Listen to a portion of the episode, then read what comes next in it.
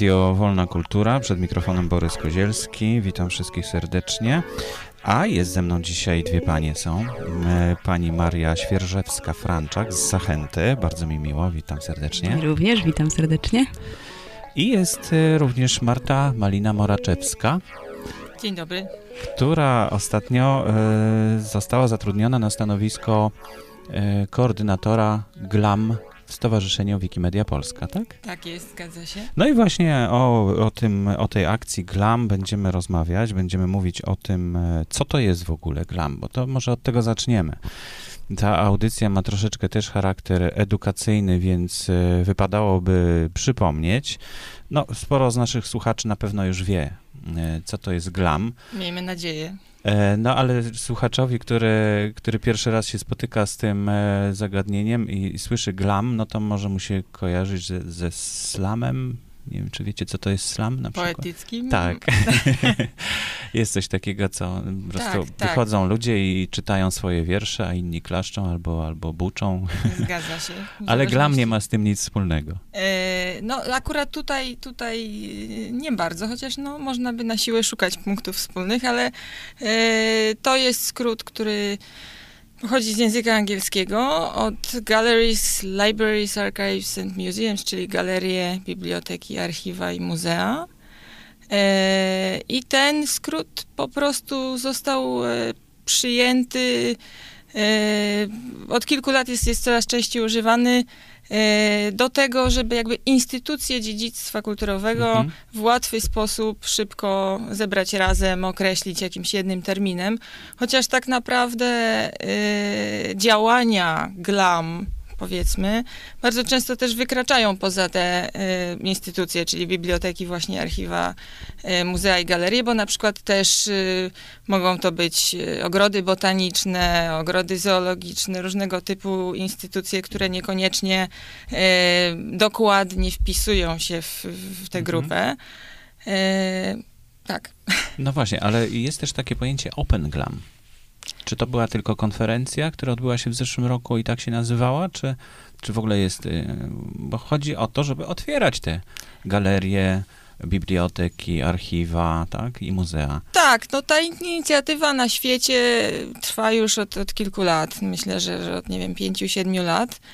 E, jedną z instytucji, które jakby rozpoczęły ten proces jest chyba e, Open Knowledge Foundation, czyli, czyli Fundacja Otwartej Wiedzy, która właśnie prowadzi stronę o adresie openglam.org, mhm. gdzie no, gromadzone są różnego rodzaju działania e, na świecie, które mają prowadzić do jak największej otwartości e, i dostępności cyfrowych zasobów pochodzących z instytucji GLAM. No tak, no bo kiedyś było tak, że muzeum czy galeria miała powiedzmy obraz piękny jakiegoś artysty wybitnego i no i żeby go zobaczyć, to trzeba było iść do tej galerii. Później fotografia troszeczkę nam przełożyła to na albumy fotograficzne, w których mogliśmy oglądać, no ale to, no to ciągle nie było to i, i to trzeba było kupować, to było drogie i w produkcji, i w, potem dla konsumenta. A w tej chwili żyjemy w czasach, kiedy właściwie zreprodukowanie obrazu, no to jest jednorazowy koszt, a potem rozpowszechnienie tego, no, w dowolnym nakładzie jest właściwie bezpłatne, tak? i to się troszeczkę zmienia. Natomiast galerie i, i te wszystkie instytucje, które miały te, te zasoby, jak gdyby nie podążyły za tym. Prawda? To nie było do niedawna takie proste. Mam wrażenie, że e, jakby dostępność i łatwość digitalizacji zasobów wizualnych czy graficznych była, no, to, to, było dużo trudniejsze niż digitalizowanie tekstów. I tak naprawdę dopiero od kilku lat chyba e, możliwości techniczne e, instytucji kultury na tyle wzrosły, że rzeczywiście teraz e, to, jest, to jest łatwy, jakby dosyć powszechny proces i, i, i w, praktycznie wszędzie w większych publicznych instytucjach przebiega proces digitalizacji z kolekcji muzealnych i, i, i tego typu wizualnych zasobów.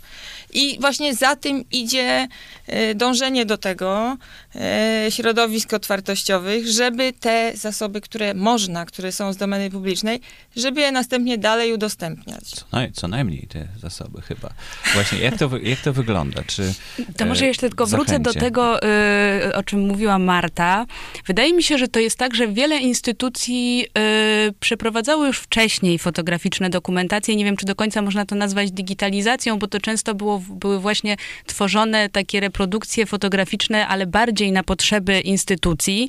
Na przykład kiedyś jeszcze u nas, myślę, że w bardzo wielu muzeach i galeriach, y, istniało coś takiego jak karty inwentarzowe. Każdy obiekt z kolekcji, z inwentarza posiadał swoją kartę i tam faktycznie u nas, myślę, że wszędzie dążono do tego, żeby taka karta była pełna. Jest tam opis, tytuł, autor, wymiary i tak dalej, technika oraz fotografia. Z tym, że oczywiście, kiedy patrzymy na te fotografie takie jeszcze analogowe teraz, no to one się za bardzo nie nadają do tego, żeby je na przykład udostępnić w internecie jako jakąś faktycznie oddającą cokolwiek reprodukcję. I faktycznie zmieniło się to, że jakby mm, też, nie wiem, ministerstwo i takie instytucje, które na przykład są w stanie y, przeprowadzać różnego typu projekty i dawać granty na digitalizację, jakby wszyscy zdali sobie sprawę, że jest to niezbędne, to jest też, są też oczywiście jakieś unijne dyrektywy. I stąd pojawił się szereg programów, w którym biorą udział różne instytucje, właśnie GLAM i dzięki temu zdobywają y, pieniądze też, żeby tworzyć, jakby w tych projektach są wpisane wytyczne, jak, takie, jak taka digitalizacja ma przebiegać, żeby właśnie potem te reprodukcje były jak najwyższej jakości, były jak najbardziej trwałe i jak najlepiej oddawały reprodukowany obiekt. No właśnie, ale coś za coś, czyli my damy e, powiedzmy publiczne pieniądze, przeznaczymy na to, żeby właśnie e, porządnie to zdigitalizować, czy umożliwić późniejszą dystrybucję, no ale chcemy za to mieć dostęp do tych, e, do tych wszystkich materiałów, prawda? Przynajmniej z tych z domeny publicznej publicznej, które Zdaje powinny się, być udostępnione. Nawet y, w przyszłym roku wchodzi y, wchodzi w życie dyrektywa unijna, która y, będzie obowiązywać instytucje kultury do udostępniania już zdigitalizowanych obiektów z domeny publicznej, więc, więc stanie się to obowiązkiem publicznych instytucji kultury tak naprawdę. No Już teraz mhm. jest tak, że na przykład jest taki największy, chyba największy y, y, grant na digitalizację, wieloletni program rządowy Kultura Plus, priorytet digitalizacja i tam jest zapis o tym, że jeżeli ktoś otrzymuje pieniądze i przeprowadza proces digitalizacji, to ma obowiązek udostępnienia e, bodajże, nie chcę skłamać, 75% tych zdigitalizowanych materiałów i może to zrobić albo za pomocą jakichś swoich stron czy portali, albo przekazać to do, do repozytorium. Do repo, repozytorium. Z tym, że no tu wchodzimy w kwestię tego, co to znaczy udostępnienie Aha. i co to znaczy otwarte udostępnienie. I oczywiście coraz więcej instytucji umożliwia obejrzenie swoich prac Aha. w internecie, natomiast towarzyszą temu zupełnie myślę, że z naszego punktu widzenia niezrozumiałe jakieś restrykcje, informacje o tym, mimo że to są obiekty z domeny publicznej na przykład, e, informacje o tym, że można ich użyć tylko i wyłącznie w celu prywatnym, ewentualnie edukacyjnym i nic poza tym, a jak ktoś chce komercyjnie, to w ogóle musi się skontaktować i zapłacić 1000 zł. No właśnie, ale tutaj chyba e, jest taki strach ze strony tych właśnie muzeów. No, no na przykład wyobraźmy sobie muzeum w Piotrkowie Trybunalskim, jakiejś nie, niedużej miejscowości, no, nie, niewielkim mieście w każdym razie, duże miasto, ale, ale nie jakieś wielkie, gdzie jest jakieś muzeum i no i, e, i właśnie przychodzą tam ludzie, płacą za bilet i dzięki temu to muzeum może się utrzymać, może e, no, dbać o swoje zbiory, zapewnić odpowiednią wilgotność e, i, i tak dalej, i tak dalej. To są jednak jakieś koszty. No i teraz proponuje się, czy mówi się tym, temu muzeum, że ono ma wszystko udostępnić w internecie, no to taki pierwszy szok jest, no dobrze, no to jak będzie w internecie, to tutaj nikt nie przyjdzie, a jak nikt nie przyjdzie, to my nie dostaniemy pieniędzy na to, żeby... To znaczy, no, chyba nie do końca mogę się zgodzić, bo y, wydaje mi się, że żadna instytucja nie jest w stanie się ja ani trochę utrzymać z wpływu z biletów, że jednak to jest taki bardzo mały procent y, budżetu y, każdego muzeum, także w Piotrkowie Trybunalskim, że jednak instytucje państwowe czy samorządowe są przede wszystkim dofinansowane z góry i że tak naprawdę wpływ z biletów to jest bardzo mały procent. E, natomiast wydaje mi się, że już coraz więcej instytucji dochodzi jednak do wniosku, że to nie jest tak, że jak coś zobaczymy w internecie, to że nie przyjdziemy do muzeum czy galerii, tylko raczej wręcz przeciwnie. No, coraz więcej myśli się o tym, że im bardziej dzielimy się tym, co mamy, tym bardziej zachęcamy widzów do zobaczenia tego na żywo. I do. Mm -hmm. Myślę, że promujemy siebie jako atrakcyjną instytucję, ponieważ jesteśmy obecni w internecie i w ten sposób ściągamy, ściągamy więcej widzów. Mhm. Poza tym uruchamia to różne możliwości partycypacji, współtworzenia tego muzeum tak naprawdę dla, dla e, zainteresowanych, dla, dla lokalnej społeczności. Można e, organizować wydarzenia oparte na tych materiałach, można zorganizować konkurs, powiedzieć w internecie wisi pewna liczba e, reprodukcji, spróbujcie zrobić remix, a w nagrodę pokażemy wam na przykład nasze, nasze archiwum albo stworzyć, stworzyć stworzyć e, wydarzenie, które e, wygeneruje ruch dla tego muzeum, jakby zainteresowanie przyszłymi wydarzeniami tego typu. No Także jeden z takich ostatnich potencjał. remixów dosyć kontrowersyjnym, ale no, z naszego punktu widzenia nie, no była na pewno Dama z łasiczką, o, to, o czym było dosyć głośno. E, I jak to się skończyło? Czy już wiadomo, czy tam Fundacja Czartoryskich coś zrobiła, bo może przypomnę historię. E, Fundacja Czartoryskich, która jest właścicielem obrazu e, Dama z Łasiczką, o ile dobrze pamiętam. Tak, tak. ogłosiła konkurs nie, na nie, to, żeby nie. wypromować ten firma, obraz, tak? Nie, na, na odwrót. Zagraniczna firma za, ogłosiła konkurs na reklamę jakiejś marki piwa. I polski artysta, polski, artysta, Aha. polski projektant mhm użył obrazu Dama z łasiczką, który jest oczywiście, nawet jakby nigdy nie był objęty ochroną prawno-autorską, ponieważ kiedy Leonardo da Vinci żył i tworzył, to jeszcze w ogóle nie było, nie było czegoś takiego jak prawo autorskie. I y, on spodobał mu się obraz, miał pomysł na to, żeby zastąpić łasiczkę y, butelką piwa i w związku z tym jest to dama z piwem, a nie z łasiczką. I e... towarzyszy temu jakiś podpis y, piwo dla prawdziwej damy i tak, tak to wygląda mm -hmm, mniej więcej. Mm -hmm. I to wzbudziło kontrowersje. I to wzbudziło kontrowersje Fundacji Czartoryskich. E, myślę, że przede wszystkim tu jakby poruszamy kwestię, dlaczego często instytucje nie udostępniają mhm. swoich dzieł, ponieważ boją się utraty nad, kontroli nad nimi i ponieważ wydaje im się, pewnie gdyby to była Czyli myślę, że gdyby to była reklama czegokolwiek, to oni by się zdenerwowali, ale tu jeszcze dodatkowo mieli argument, że teraz, ponieważ przecież wszyscy na świecie wiedzą, że dama z łasiczką jest ich obrazem i w ten sposób oni, Fundacja Czartoryskich, utożsamiana jest z propagowaniem spożywania alkoholu i że w ogóle jest to jakby złe dla imienia ich fundacji i rodu Czartoryskich. Um, Aczkolwiek podejrzewam, że jakby każde użycie komercyjne jak mieliby jakieś argumenty, żeby, żeby się temu sprzeciwić, no właśnie, ale oni... oczywiście mhm. oni nie mają absolutnie żadnych praw do, jakby mają, są właścicielami y, obrazu, fizycznego obiektu, jakby prawo własności. W tym momencie, gdyby artysta przyszedł, zabrał obraz i wyciął łasiczkę i wstawił tam butelkę, to oczywiście jakby złamałby prawo, ale ponieważ y, praca ta nie jest objęta ochroną prawną-autorską, to z jej reprodukcją każdy może zrobić no co to, chce. To właśnie jest często chyba mylone, prawda? Że jeśli ktoś ma jakiś fizyczny mhm. jakiś obiekt, to ma prawa do jego wizerunku na przykład, czy, czy jest właścicielem jakiejś rzeźby, to on będzie sprzedawał y, prawa autorskie do reprodukcji tej rzeźby i tak dalej, i tak dalej. To chyba zupełnie nie ma nie ma związku, prawda? Tak, jest to jakoś zdecydowanie nadużywane. Ten brak, myślę, mhm. że brak powszechnej świadomości odnośnie prawa autorskiego jest potem nadużywany właśnie przez, przez tego typu fundacje czy instytucje.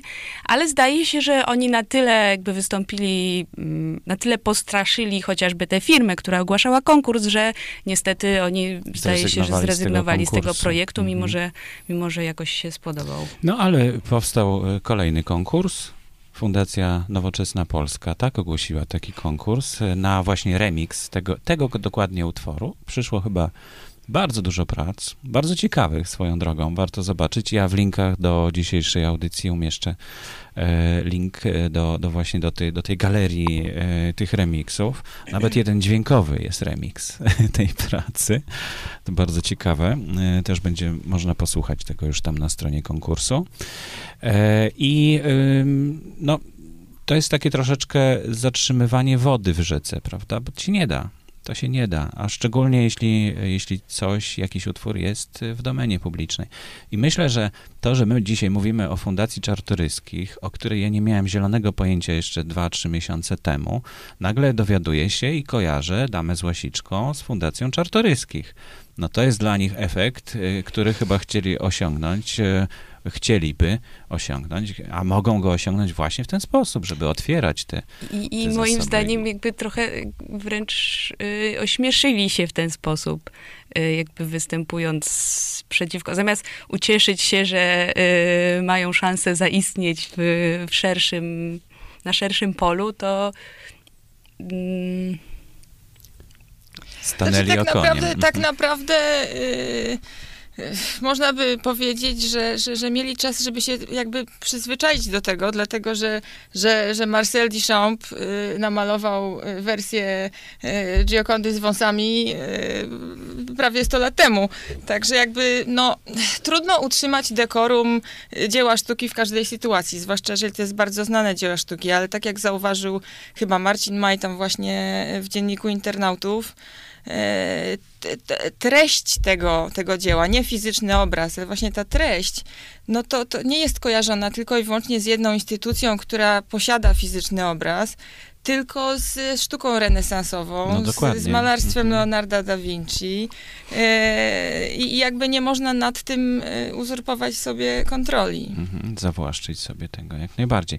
Ale ja bym chciał, e, żebyśmy troszkę opowiedzieli o tym, co w Stowarzyszeniu Wikimedia Polska się będzie działo, w związku z tym, że właśnie Marta została koordynatorem. Takiego koordynatora w stowarzyszeniu brakowało nam już od dawna, bo było dużo tych projektów, które zgłaszali i wikipedyści, e, i czasem instytucje się też zgłaszały, że coś chciałyby, żeby zrobić, no ale docierało to w taką przestrzeń pustą. Brakowało koordynatora, właśnie do którego mogłaby dotrzeć taka informacja, że jest instytucja, która jest zainteresowana i ten koordynator by wtedy jakoś skontaktował tych, którzy są zainteresowani tym, żeby tam pomóc e, w udostępnianiu, czy, czy w ogóle no, w jakichś pracach e, umożliwiających szerszy dostęp do do tych materiałów. To powiedz mi, bo to już e, miesiąc minął, odkąd, tak.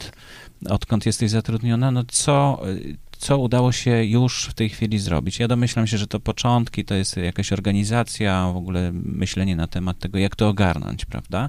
No ale to powiedz, co się już udało. E, udało się stworzyć wiki projekt, e, który, który w internecie można oglądać, właśnie po prostu pod hasłem Wiki Projekt Glam.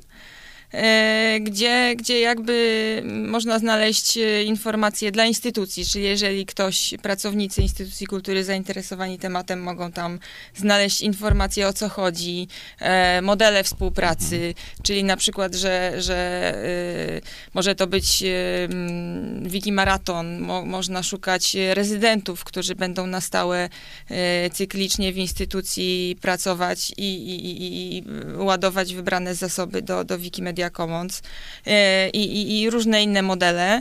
E, sekcje dla wikipedystów, którzy ewentualnie byliby zainteresowani współpracą z e, konkretną instytucją, która coś proponuje. No w tej chwili na przykład y, Państwowe Muzeum Etnograficzne w Warszawie szuka y, wikipedystów zainteresowanych cyklicznym projektem y, rejestrowania obrzędów ludowych. Mamy na razie y, dwoje, dwoje chętnych, ale szukamy więcej. No, ja się też zgłosiłem. Tak? to ja jestem jednym z tych Jednym z tych, z tych dwojga, jak najbardziej. E, więc, więc tak to wygląda. No plus właśnie też mamy sekcję, która, która się pomału dopiero rozwija na temat domeny publicznej i, i, i mam nadzieję, że, że powstanie z tego jakaś trochę szersza sekcja prawna, która będzie rozwiewać rozmaite wątpliwości, które, które się przy tej okazji pojawiają i, i gdzie, gdzie, gdzie powstanie katalog też y, y, dostępnych również na otwartych licencjach materiałów, trochę już tego jest, y, które można sobie po, poczytać, jeżeli ma się wątpliwości jakby co można zrobić, a, a, a, a co, jest, co jest trochę trudniejsze. E, więc, więc no już trochę można na Wikiprojekcie znaleźć w tym momencie. Zaczynamy nawiązywać współpracę z instytucjami, właśnie e, zachętą e, między innymi. E, chcemy w styczniu e, przeprowadzić e, jednodniowe wydarzenia, taki Wiki Maraton poświęcony nowemu budynkowi Zachęty po remoncie. Znaczy budynek jest jak najbardziej stary, tylko trochę zrenowowany. No, no w nowej odsłonie powiedzmy. No ale tam się rozbudował jednak, to znaczy on był zniszczony chyba w tak w części części po II wojnie? Nie, właśnie Zachęta wyjątkowo mm, przetrwała. W całości? Dobrze wojnę, natomiast tam od, od początku, nie, kiedy w, w 1900 roku została zbudowana, to nie została niezbudowana w całości, Aha, no bo tam właśnie. była kamienica, więc tam jakby została potem jeszcze wolna przestrzeń i od lat 80. Y, nastąpiła rozbudowa i, i, i, wygląda tak jak teraz. teraz A teraz ostatnio były tak jak w projekcie, tak? spore, tak? prace, spore prace remontowe i wewnątrz budynku i teraz właśnie kończymy y, czyszczenie fasady. Więc mhm. jest piękna i jasna i świeci. No więc... Właśnie, ale ja przepraszam, że, że przerwę na temat tego y, projektu, wiki projektu, bo jeszcze do tego wrócimy, ale właśnie w czym zachęta już się otworzyła, albo w czym się może otworzyć? Co może, co może otworzyć? Bo udostępnić może wszystko, prawda?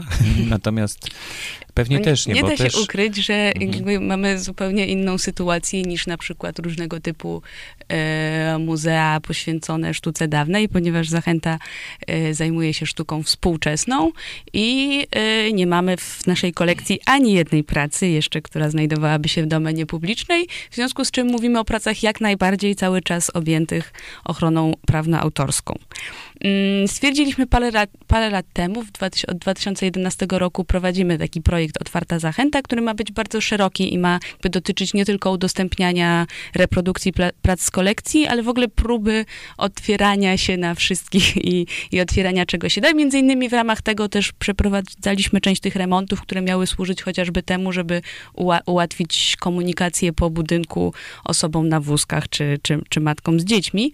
Um, Stwierdziliśmy jednak, by to było oczywiste zarówno dla, dla naszej dyrekcji, jak i dla pracowników, że jesteśmy instytucją publiczną za państwowe pieniądze i że tworzymy, y, zależy nam na tym, żeby tę sztukę współczesną upowszechniać i że, y, że musimy robić wszystko w, w miarę naszej możliwości, żeby właśnie jak najwięcej rzeczy było otwartych i dostępnych.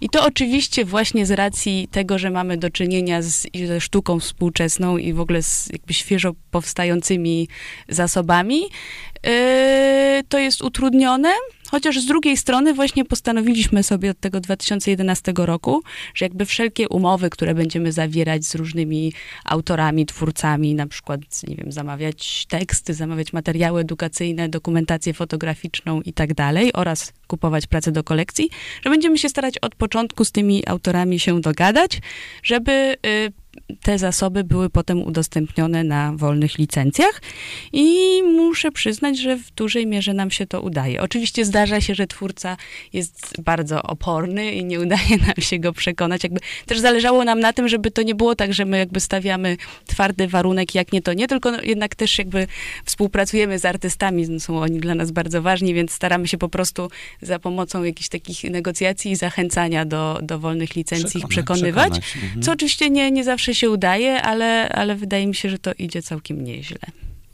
No bo to jest chyba dobra metoda, żeby, mhm. żeby to już na mo w momencie, kiedy no właśnie zawiera się jakąś umowę o, nie wiem, o wystawę, czy o coś, czy, czy wykonanie jakiegoś dzieła, żeby tam od razu zaznaczyć, że to mhm. będzie uwolnione, prawda? I no stworzyliśmy dobrze. też, mhm. tylko dodam, y, że powstał, bo tak stwierdziliśmy, że super, będziemy mieć sporo tych otwartych zasobów, ale to dobrze byłoby je mieć jakoś tak w miarę łatwo y, wyszukiwalne. I powstał w 2012 roku portal otwarta zachęta.pl na którym zbieramy y, właśnie wszystkie nasze wolne materiały. Jest tam, jest tam kilka podstron. Jest strona y, poświęcona kolekcji, jest strona z materiałami edukacyjnymi, z dokumentacją wystaw, y, z tekstami, katalogami. Mhm. I zachęcam do jej odwiedzenia. Y, nie wszystko od razu powiem, że nie wszystkie materiały są tam dostępne na. Wszystkie materiały dostępne są na licencjach Creative Commons. Niestety część zasobów, właśnie z racji swoich statusów prawnych, jest na ograniczonych licencjach NCND, ale teraz już udaje nam się wszystkie nowe, nowe zakupy czy dary, y, depozyty y, udostępniać na, już na otwartej licencji. No świetnie. Niektóre z nich to są naprawdę y, dzieła pierwszoligowych polskich artystów sztuki współczesnej. Mnie się bardzo podoba ten cykl y, Anety Grzeszykowskiej. To są fantastyczne. To się nazywa Negative Book. Tam jest kilkanaście, y, kilkanaście prac w bardzo wysokiej rozdzielczości. no i właśnie mamy nadzieję, niedługo też będzie to dostępne w Wikimedia Commons i, i, i po prostu no to są bardzo, bardzo wartościowe dzieła sztuki współczesnej, więc, więc cieszymy się, mhm. mogąc e, też współpracować z Zachętą. Mhm. No właśnie, wracając do tego wiki projektu, e, czy zgłosiły się w ciągu tego ostatniego miesiąca jakieś instytucje, które chciałyby e, pomocy przy udostępnianiu swoich zbiorów? Pomocy na razie y, jeszcze nie, ale pomału, pomału jakby zaczynamy rozmawiać z instytucjami. Y, wiem, że na pewno będziemy też y, podejmowali współpracę z Małopolskim Instytutem Kultury, który też jest dość pro-otwartościową, powiedzmy, instytucją i, i, i też mamy nadzieję, że po pierwsze, część zasobów MIKU, która jest dostępna już właśnie na, na otwartych licencjach CC, będzie e, stopniowo ładowana do, do Wikimedia Commons. To są przede wszystkim fotografie e, różnych obiektów i wydarzeń na terenie, na terenie Małopolski. A później, no być może też, też uda nam się zorganizować jakiegoś rodzaju wydarzenie, e, wydarzenie w Krakowie.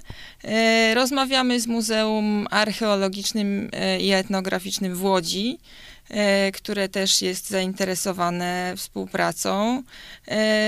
I jakby z rozmów, które do tej pory przeprowadziłam w instytucjach, ich, bo na razie było tylko kilka, ale też widzę, że właśnie bardzo często duże publiczne instytucje kultury, których budżet nie pozwala na promocję, jakby mm, zaczyna. Mm, przychodzi świadomość tego, co Wikipedia może zrobić dla instytucji kultury.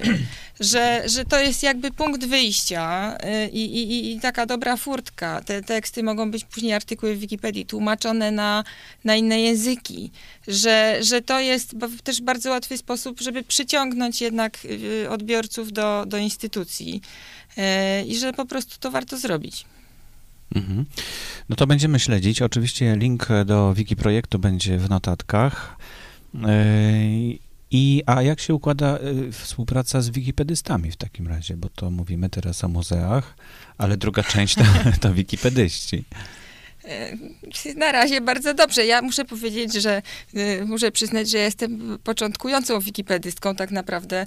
E, do tej pory, do tej pory tylko kilkakrotnie, jakby zanim zostałam za, zatrudniona jako koordynator, e, nie, nie, nie, nie pisałam zbyt wiele w Wikipedii, natomiast no, narzędzie jest fantastyczne i, i, i jest bardzo wiele sposobów, żeby się jakby połączyć, skomunikować z odpowiednimi osobami. E, także, także e, na razie e, nie, nie, nie, bardzo wiem, co powiedzieć, ale na razie wszystko, wszystko chyba idzie w dobrą stronę. Mhm. A co w najbliższym czasie? E, takiego jest planowanego coś, czy nie? Dzień Domeny Publicznej, coś będziemy organizować też wspólnie, czy nie? Muzeum Powstania Warszawskiego, zdaje się, prawda? E, tak, Dzień Domeny Publicznej w Muzeum Powstania Warszawskiego, chociaż nie wiem na ile akurat e, będzie to połączone z, z tematem tutaj zasobów GLAM, mhm ale, ale y, na pewno y, y, Wikipedia będzie też włączona w, w Dzień Domeny Publicznej. Zresztą być może jeszcze uda się e, mm, nawiązać też do tego tematu, bo, bo myślę, że, że zdecydowanie warto. No tak, te zasoby e, w Muzeum Powstania Warszawskiego nie są na wolnych licencjach. Mm, i trudno z nich skorzystać. Ja bym często chciał skorzystać z jakiegoś fragmentu nagrania, które tam jest historia mówiona, jest, jest całkiem dużo tych materiałów, ale one nie są nie są możliwe do udostępnienia, ale no właśnie to może się w ten sposób zmieniać, że będziemy o tym informować, w jaki, w jaki sposób się otwierać, jak, jak te instytucje mają się otwierać, prawda? E, to nie wiem, czy chyba wyczerpaliśmy na początku. Jeszcze będziemy się spotykać na temat e, glamu na pewno nie raz, e, może za pół roku. Od razu się umówimy, jak już będzie więcej do powiedzenia na pewno. Może jeszcze tylko jedna mhm. rzecz. Trochę wracając, wracając jakby do, do tego, dlaczego warto to robić, to też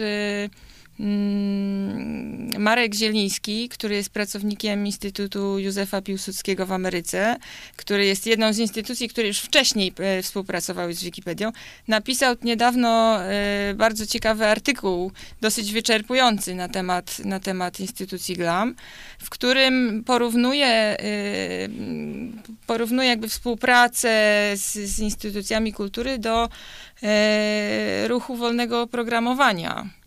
I, i, i pisze bardzo słusznie, że y, udostępnianie zasobów y, powoduje tworzenie takiego community, środowiska ludzi, którzy, których praca później jakby zwiększa w pewien sposób wartość tego, co instytucja ma do zaoferowania.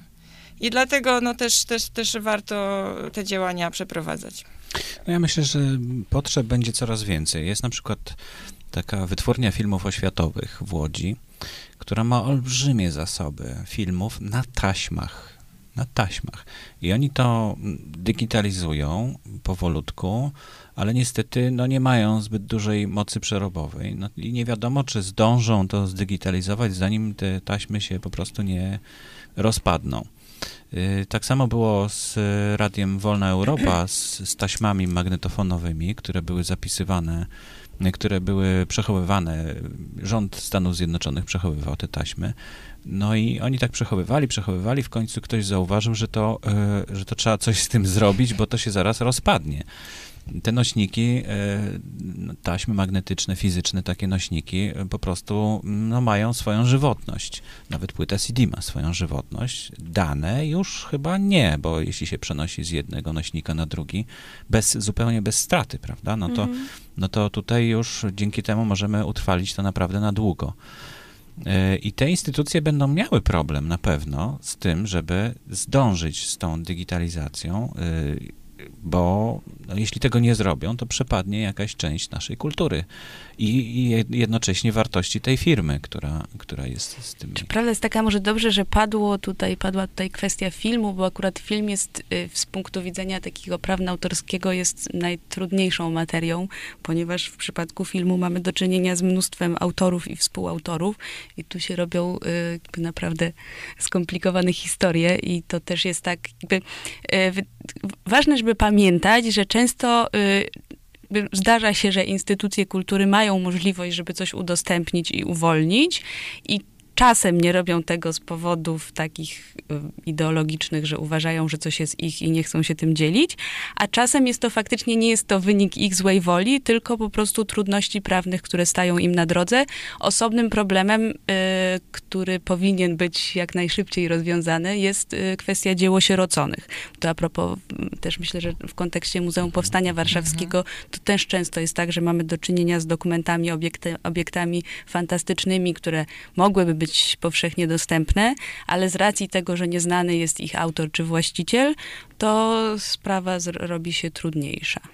No często też jest tak, że no ja, ja wiem, że to na przykład mój dziadek zrobił to zdjęcie, i chce je przynieść, no ale to powinniśmy w sumie uzyskać zgodę autora na to, żeby wykorzystać w ogóle to zdjęcie. No to jest cała masa problemów, to nie jest takie łatwe.